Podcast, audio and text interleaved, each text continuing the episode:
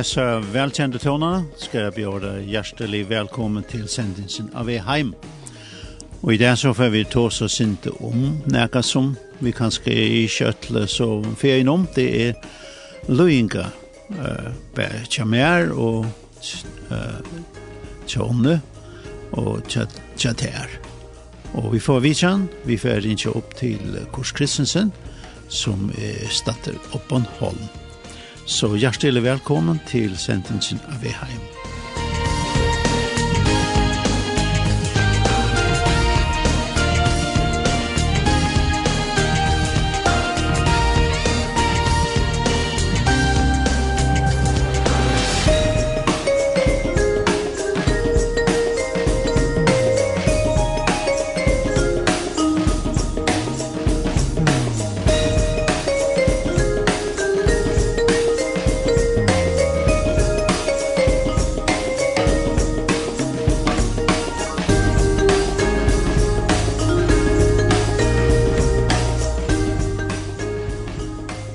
Men sjålande her og i Aveheim spiller vi reisen ekva gån tonleik, og jeg husker meg at vi kanskje skulle byrja vi Terje Vestergaard, som synger fjokken, hver vær han.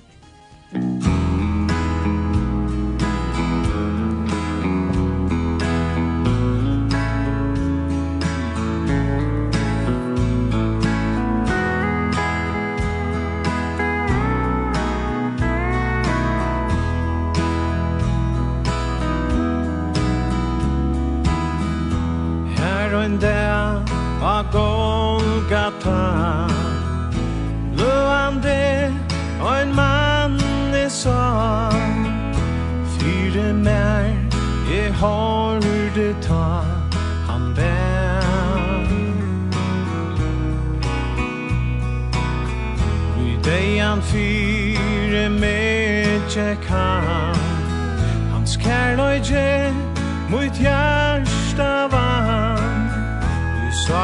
hans er frien fan han der.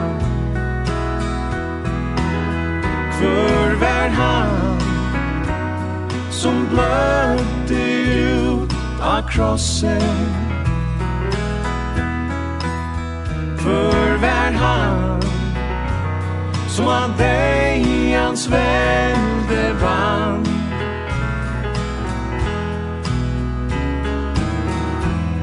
okkar sonur Guds tavær Han som moinar synder bær. Han med tekur in tja sær. Ein bær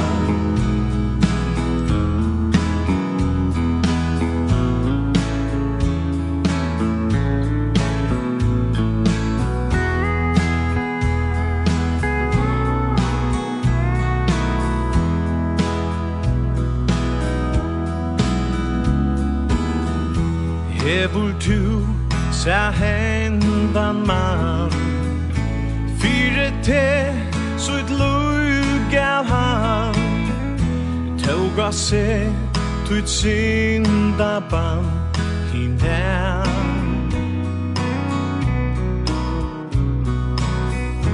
Kærlags fullt han nu kallar te Viser ter, sin frälso vei byr te at velja se Ui den För vær han Som blötte ut av krossen För vær han Som av dig hans vände vann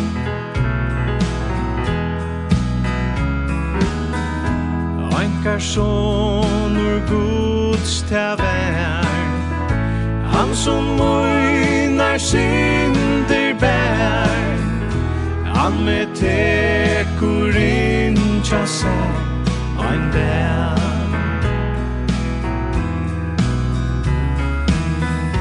Tankar sonur Guds ta vær Han som tøynar synder bær Her bjøar yngja seg ein dag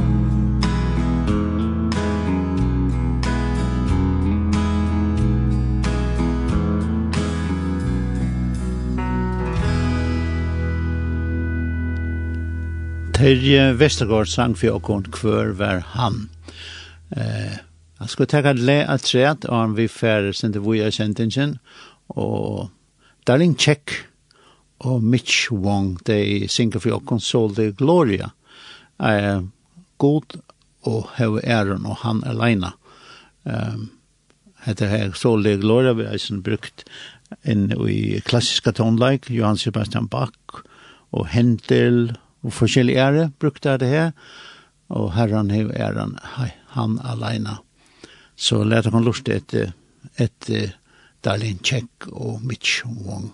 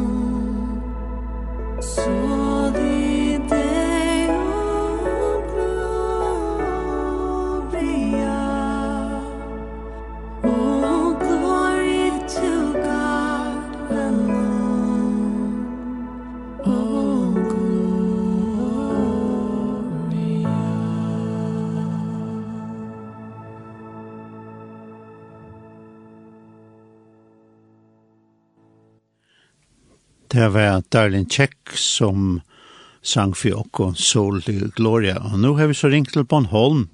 Velkommen, Kurt Christensen. Ja, tak skal du have.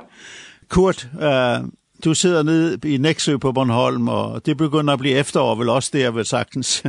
ja, ja, ja, det har været. Altså, i går regnede det, og øh, det, det, det, det, det var en stor regn, som ikke har været i mange, mange år på okay. Bornholm. Så det har de skrevet lidt om i dag. Så, det er jo så. Det er Solskensøen ellers, men ja. det er jo nogen, der har stemt det i går. Ja, mm. ja Solskensøen, det, det kender vi jo. Det, det er helt sikkert. Kurt, det, vi, det jeg introducerede udsendelsen med, det var, at vi, vi skal tale lidt om, om uh, lidelser, som, ja. som vi alle sammen kan komme igennem, og, og uh, man kan sige, det, det ultimative lidelse, det er Jesus i Gethsemane. Ja. ja. Du har vel sagtens været i den have der, kunne jeg forestille mig.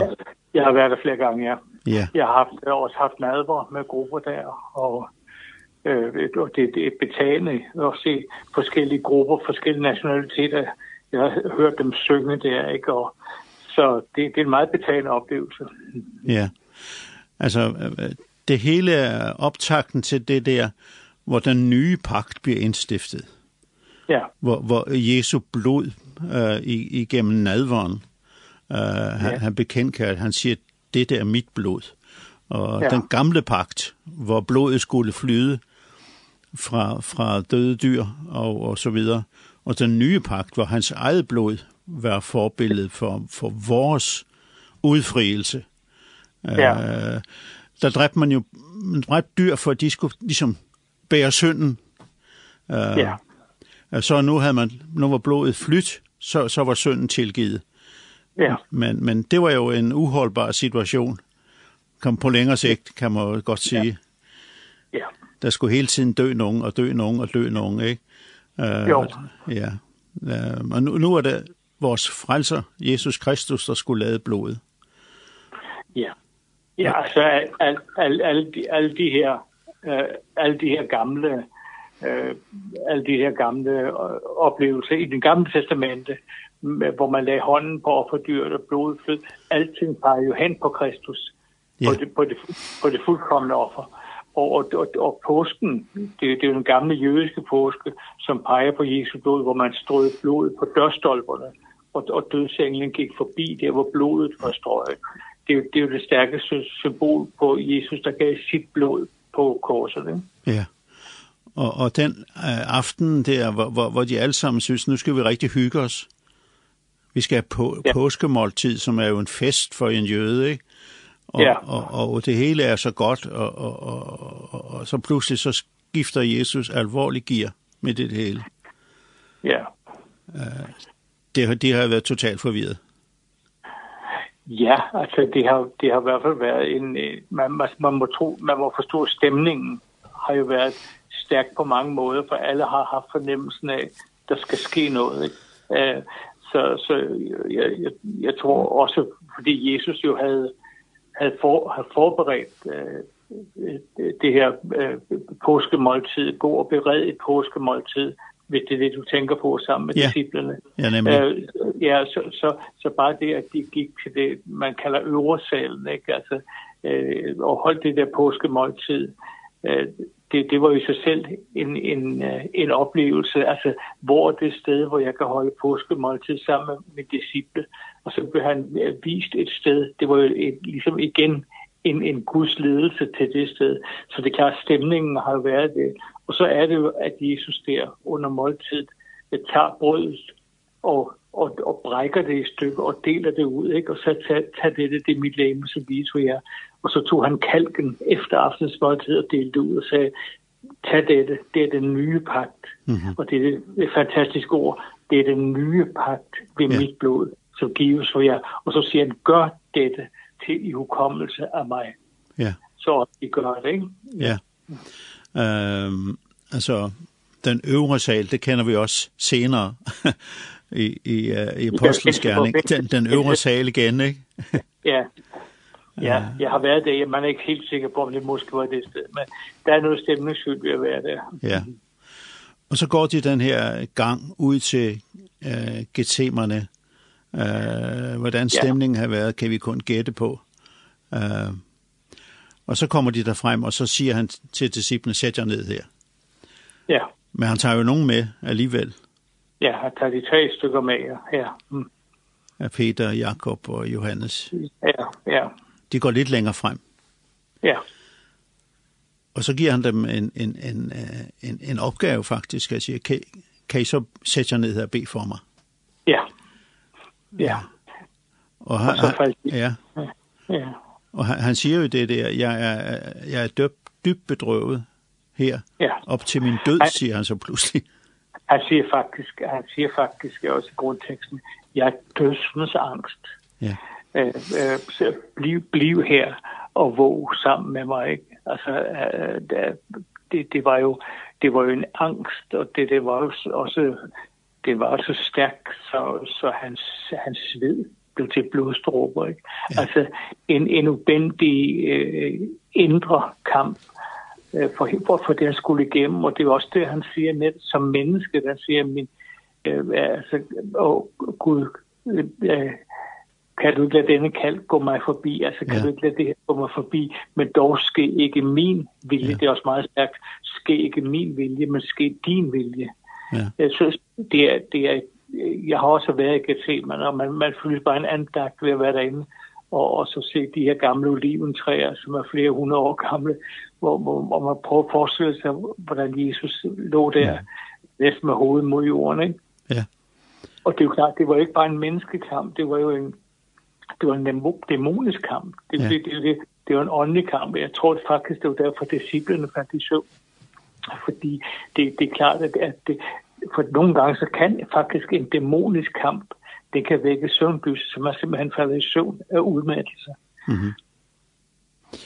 Ja, og så øh, det er ligesom det der, øh, at når man læser det, så tænker man, har han et valg? Eller hvad er det, der sker? at han ligesom siger, kan jeg undgå det her? Er der nogen mulighed? Jamen, man, ja, men altså, man skal bare forstå, at man er nødt til at forstå, at Jesus var og måtte være 100% menneske.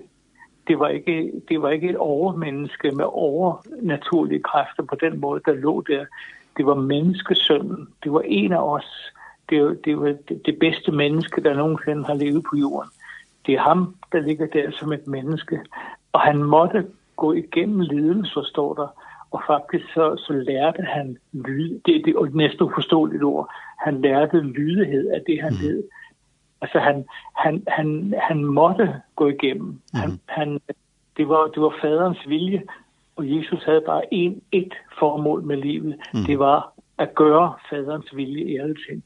Men det er altså mennesket, Jesus, der ligger der ja. øh, bøjet med hovedet ned, dødsensangst i den forfærdeligste smerte, fordi han vidste, hvad der ventede ham på korset.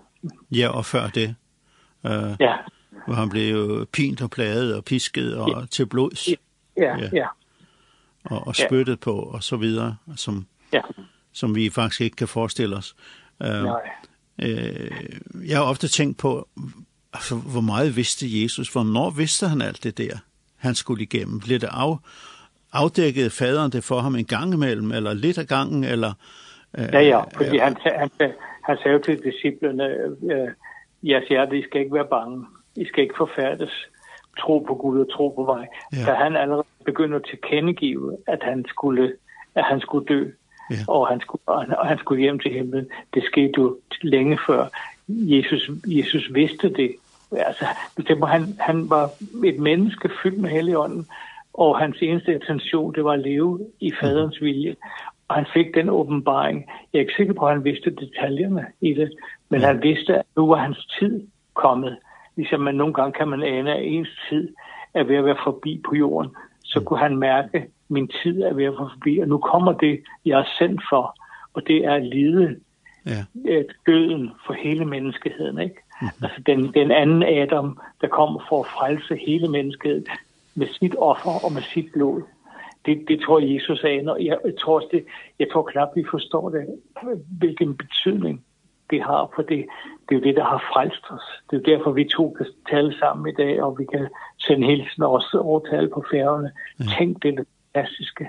Den anden Adam, den sidste Adam, kom for at frelse os og mm. gav sit liv. Ja. ja altså, så, øh, og så, så er det det der, ikke som, ikke som jeg vil, men som du. Ja, ja. Kan, kan det blive... Øh, kan det blive et vor almindelige dødelige mennesker, som vi er, kan det blive også lidt af vores motto, ikke? Ikke som det bør du. det. Ja. Det bør det være. Altså, du har i Hebræerbog, så står der, da Jesus træder ind i verden, øh, et læbe beredte der mig, står der og at du har ikke lyst til for og over, men du beredte mig et læbe. Og jeg er kommet, Gud, står der i Hebrevet, for at gøre din vilje. Og, og nøjagtigt det samme må hver eneste af os sige, der nu lever på jorden.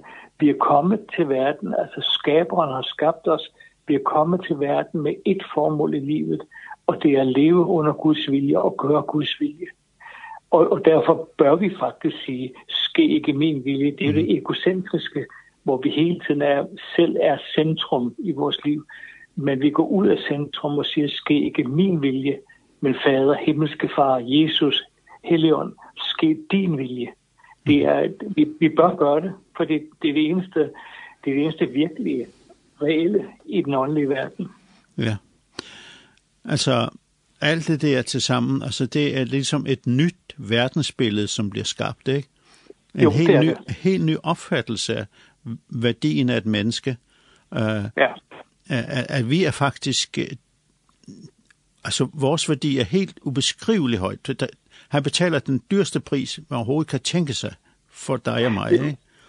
Jo, men uh, vi skal også så det der præmen, som er netop er, er så fantastisk, det er, at Jesus fuld eller noget hele menneskehedens synd og, og lidelse fuldender han der. Og så er det, at uh, han bliver hængt op på korset og hænger der. Og så udånder han, og i samme øjeblik, så flænges forhænget i, i det jødiske tempel fra øverst til nederst. Og til kendegav, nu er adgangen fri for alle mennesker. Og Jesus havde sagt i forvejen, han sagde, dette her tempel, altså med sit læme, det her temp, det skal brydes ned på tre dage, rejser jeg det igen. Ja. Og han talte jo om sin død og sin opstandelse. Og i samme øjeblik, at det der forhæng, det revnes, så er den jødiske gudstjeneste forbi, definitivt forbi, og noget nyt må komme frem. Og nu er det os, der er lemmer, vores lemmer er tempel for Helligånden. Det er det nye liv, der er bragt frem af Jesus. Ja. Altså det forhæng der, som, som jeg har læst mig til, så er det fire tommer, altså 10 cm tykt og, og, og det revner fra, fra, fra øverst til nederst. Ja. altså det er en ja, kraft, der kommer fra himlen. ja, ja, det var nemlig også stort, fordi der skulle fire par okser til og, og, og tage, tage, tage forhængene til side. Ja. Så det, det ja. ja. Um, altså, uh, det, det, det er jo svært for os at fastholde de ting der, de lidelser, som, som, uh, som Jesus går igennem. Men så så er vi jo hele tiden konfronteret med, med menneskelige ledelser. Uh, ja. Og vi, vi tænker også på det, der sker for eksempel i Afghanistan i, i, dag, i disse dage, ikke? hvor, hvor, hvor, hvor han, ham, der følger, dem, der følger Jesus, altså brutalt bliver, bliver dræbt. Ja, ja. Og, og, og kommer igennem nogle lidelser, der, som vi ikke kan forestille os rigtigt. Ja. Altså, kan man, kan man sige, at, at, at nogle mennesker kommer også i en slags øh, getsemerne oplevelse? Det tror jeg, jeg tror vi alle, fordi vi lever under forkrænkelighed på den ene måde. Altså, øh, øh, øh, sygdom rammer både retfærdigt og uretfærdigt, hvis vi tænker på det. Ja. Og den lidelse kommer vi ind under, og vi kommer også ind under lidelse, at vi, vi mister nogen. Nogle af vores kære, de dør lidt tidligt, og andre lidelser kommer ind et, øh, og det er fordi, vi lever under forkrænkeligheden, og den lidelse, der er i verden, det er simpelthen synden og satan i dens fulde udfoldelse, at mennesker dræber hinanden. Det er absolut ikke Guds vilje. Det er menneskets vilje, der ødelægger hinanden, indtil Kristus kommer igen på himlens sky og genopretter alt. Mm. Det, så det, det er selvforskyldte lidelser og det er også et lidelse, mennesker pådrager hinanden fuldstændig vanvittigt på vores jord. Ikke? Ja. Man skyder og dræber og ødelægger hinanden, skærer halsen over på folk, og så ovenkøbe i en religionsnavn, en falsk religionsnavn. Ja, uh, det er jo svært at fastholde for os. Ja, det er det ja. næste mulighed. Ja. Men man, man, man kan sige, at vi, vi er simpelthen nødt til altså vi er nødt til at lide for, nogen er nødt til at lide for Kristi skyld, ligesom Jesus gennemgik lidelse og blev forfulgt, så er der nogle af vores kristne venner, der over verden bliver forfulgt og lider for Kristi skyld. Og det er, det er en stor ære for dem at gå igennem disse lidelser for Kristi skyld. Og så, så er der de lidelser, jeg selv går igennem, det er jo gennem øh, cancer, det har du også, mm -hmm. øh, kræftforløb og anden sygdom hvor vi så alligevel har mærket, at Guds hånd og ånd har båret sig gennem lidelsen. Mm -hmm.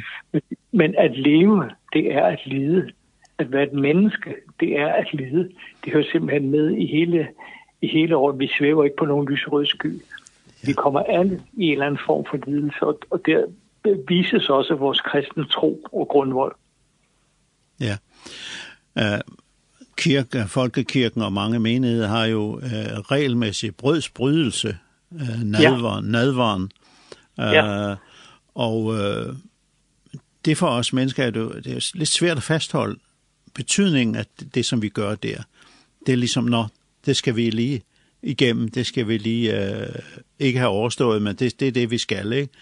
Øh, hvordan, hvordan kan vi fastholde dybden og forståelsen af, at, at vi er, altså vi, vi er lige før Gethsemane, og det kan godt være, at, vi, at det indvarsler nogle ting i vores liv, som vi overhovedet ikke regner med i lige det øjeblik. Nej.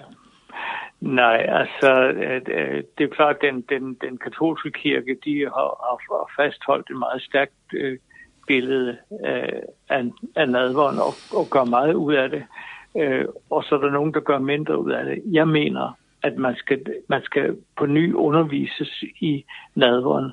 Og jeg mener også, at man skal gøre det på ret måde i forståelse af, at det er kristi læme, altså menigheden. Hvis nogen spiser, tager nadveren uden at ense, at det er kristi læme, vi deler det med, så, så, så kan man opleve faktisk næsten sygdomme kommer ind over, mm -hmm. over folk. Fordi så alvorlig er nadveren, så vigtig er nadveren. Og jeg mener, at lederne de skal række brødet og kalken til menigheden. Og man skal simpelthen tage det både festligt og alvorligt. Det er ikke noget begravelsesmåltid, det er et opstandelsesmåltid. Men, men det er, og så er det også det, at det illustrerer, at menigheden er et læme, som Paulus underviser om. Vi er et læme, hvor Kristus er hovedet, vi er andres lemmer, og, og der var et brød, der blev brudt i mange dele, og, og de mange dele de blev samlet igen. Altså vi spiser alle af det samme brød, og det betyder, at vi er et i Kristus. Og vi drikker alle af det samme blod. Vi er alle sammen en organisme. Og, øh, men det er fordi, vi skaber organisationer i stedet for organisme. Og jeg, jeg er meget fortalt for, at vi får en fornyelse med nadvaren og en, en ny vækkelse og, og gå ind i det med meget stor øh, både alvor, men også glæde. Ja. Derefter til sidst i, i uh, det tror jeg det er Markus, uh, så står der, tiden er kommet, hvor menneskesønnen skal overgives i onde menneskers vold. Rejs jer ja. og lad os gå, for redderen er på vej. Ja. Uh, det, kan, det er vel også gældende for, for, for, for os kød, dødelige mennesker, som man siger. Uh, at vi, vi, selvom vi, uh, vi, kan, vi, kan, vi må forberede os på, at, at, at der er ting i vores liv, kan man sige, hvor, hvor vi bliver udsat for prøvelser? Ja, altså, det, det er, nogle gange er det prøvelse på prøvelse, det ved både du og jeg, og nogle gange er det forfølgelse, og nogle gange så er det lige, vi, vi kommer altså igennem denne verden, på, på de, i den der i de her i de her bølger men øh, troen har jeg bevaret ikke? Mm -hmm. altså i, igennem det hele det sådan er livet sådan er menneskelivet øh, fordi de lever under forkrænkeligheden, og alle syndens facetter, og netop det onde, som du, du taler om her, det onde florerer over hele vores jord, spænder ben og ødelægger alle vegne. Det er den her verden, vi går igennem, også med selvfølgelig med alle dens glæder og, og dejligt liv, vi Gud har givet os. Ikke? Mm -hmm. Men altså, vi, vi, vi, vi, må ikke, vi må ikke undgå lidelsen, øh, faktisk se lidelsen i øjnene, men så gå igennem dem i Kristus. Mm. Ja, og da, da igennem lidelser bliver man jo også styrket? Ja, det gør man i høj grad. ja, altså man måske ser lidt, lidt uh, et større perspektiv af, af mening med livet. Ja, altså nogen knuses jo desværre ikke, og skal hjælpes øh, igennem lidelserne, men, men lidelserne kan godt forædle vores liv, fordi altså, det er ganske enkelt, fordi vi ser vores afhængighed. Altså, det, og det bør vi jo altid se i, i forhold til Guds øh, almægtighed. Så der, der er to yderpoler. Gud, den almægtige skaberen, og så er der den anden yderpol. Det er os, og, og vi kan intet. Vi, vi, vi formår det, vi er afhængige. Mm -hmm. og, og det er det, man lærer sådan set i lidelsen. Du mister dine kræfter, ikke? Som, som jeg gjorde det under, under cancer. Jeg mister alt, jeg kan ikke gøre. Jeg, dog, jeg kan ikke engang læse i Bibelen, jeg kan ikke engang bede. Jeg kan ikke gøre noget som helst. Jeg er fuldstændig smattet ud. Men øh, det holder alligevel. Ja. Øh, og det er det og det er det man lærer at det det ikke afhænger af mig men det afhænger af min min himmelske far min gode Gud det hjælper igennem En, en sætning, jeg har festet mig ved, det er i begyndelsen af, der i, Mar i, i Markus, så, siger, så siger Jesus, sæt jer her, mens jeg går hen og beder. Ja. Uh, ordet beder, at be. Uh, ja. Det er i bøn, alt det der sker. Ja, sådan er det. Uh, ja. Uh, har det stor betydning for os at bede? Det sagde han jo, hvor bed, ikke? Ja. For at på flere fronter, hvor og bed, for I ikke skal falde i fristelse. Øh, og det er også det, han siger til disciplinen, kan se, at han har ovenkøbet omsorg for dem i hans egne lidelser. Ikke? Ja. Øh, hvor han så underviser, og, og Jesus underviser os jo om, om bøn, altså hele, og faktisk er vi bøn. Vi, vi er, som salmisten siger, vi er idel bøn, altså vi, vi beder hele tiden, og, og vi, vi søger Herren hele tiden, vores ånd søger Herren, og vi skal også helt målrettet bede, gå ind i vores kammer, lukke vores dør og bede. Og vi skal være sammen og bede i alt det, vi overhovedet kan. Det, det, det kender vi til, at det er, det er en umådelig kraft, bønnen. Ja. Til sidst her, Kurt, en sætning, sætning i den beskrivelse også, som, som man kan sige, at da Jesus er kommet igennem det her og har accepteret, jeg skal dø ja. på korset, så kommer jeg tilbage til, til disciplene, og så siger den her lidt sådan underlig sætning, Nå, I sover stadigvæk og hviler jer. Men ja. nok med det, tiden er kommet. Ja. ja. det er ligesom... Så, så, så, nu, går, nu går vi, og så ser vi det i øjnene. Ikke? Ja, og så og det jo... glemmer vi ja. det, der er sket i mellemtiden. ja, så kom, for nu, nu, nu er det, og det tror jeg faktisk godt kan lære os noget. Ikke? Stå nu op, se det nu i øjnene, og ja. gå, lige, gå lige imod det, for herren er med, og der er en opstandelse forud. Ja. Altså, der er en lidelse, men der er en opstandelse. Ikke? Ja. Øh, det, det er sådan en underlig sætning, ikke? Nå, I sover stadigvæk. ja, og hviler, ja. Det vidste jeg godt. ja. Ja. Ehm det personlige den personlige ledelse som som øh, som du snakker om i dit eget liv og som ja. mennesker der sidder og lytter nu og og går igennem og er igennem lige nu. Ja. Ja. Hvad hvad vil du sige Kurt til de mennesker?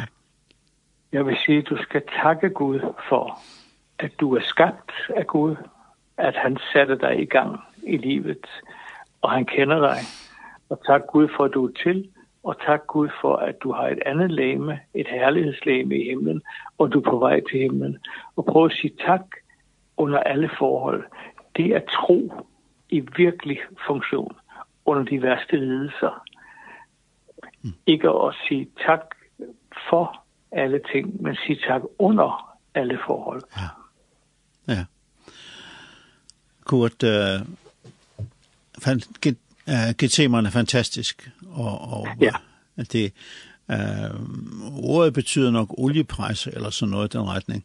Man, ja. kan, man kan godt nok sige, at det er noget med, at der er nogen af Jesus bliver presset, øh, vi, og vi kan alle sammen blive presset det har du ret i. Altså, ja. vi, vi, vi, skal, vi skal trøste hinanden og hjælpe hinanden, og dermed synes jeg også, at menigheden er så vigtig, for det er Kristi lemme, hvor lemmerne har samme omsorg for hinanden, og når et lem lider, så lider de andre lemmer med, hvor vi kan hjælpe hinanden igennem livet, og, og så var det ikke længe, så er vi ved målet, ikke? Ja.